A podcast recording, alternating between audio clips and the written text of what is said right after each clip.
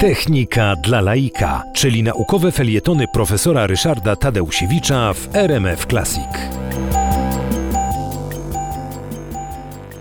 Teflon to tworzywo o bardzo wielu zastosowaniach. W tej chwili najbardziej je znane z tego, że rozmaitego rodzaju naczynia e, pokryte teflonem mają tą miłą cechę, że jakieś tam smażone na patelni e, elementy nie przywierają i wobec tego łatwo jest utrzymać e, czystość garnków i jednocześnie jakość tego gotowania bardzo wysoką. Także teflon jest obecnie widziany poprzez gospodarstwo domowe.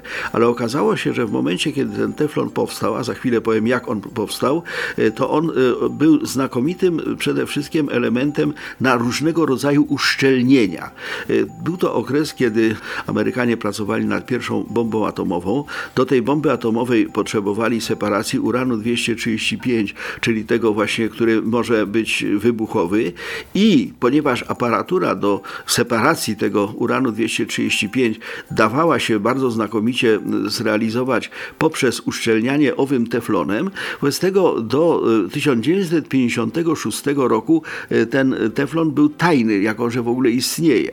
Natomiast e, zacznijmy od tego, jak on w ogóle powstał. Mianowicie powstał sam. To jest bardzo ciekawe. Pierwszy wynalazek, który sam się zrobił.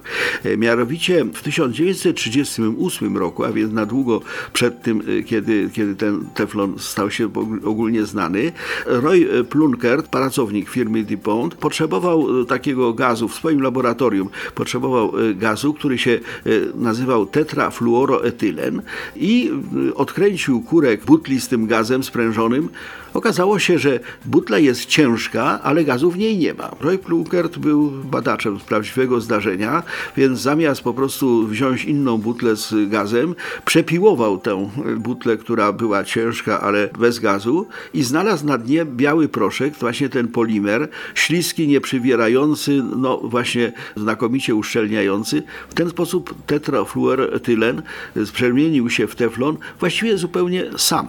Natomiast tajemnica wojskowa, o której wspomniałem, powodowała, że w 1938 roku wykryte tworzywo zostało dopiero opatentowane w 1956 roku. Patent na ten sposób wytwarzania tego tworzywa już dawno wygasł, ale firma DuPont zastrzegła sobie nazwę.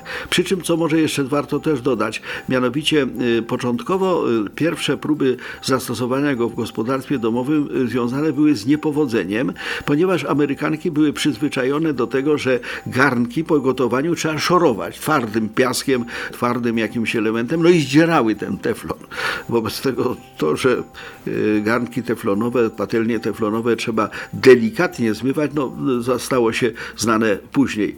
Natomiast od 1960 roku teflon towarzyszy nam właśnie także w kuchni i jest bardzo pożyteczny.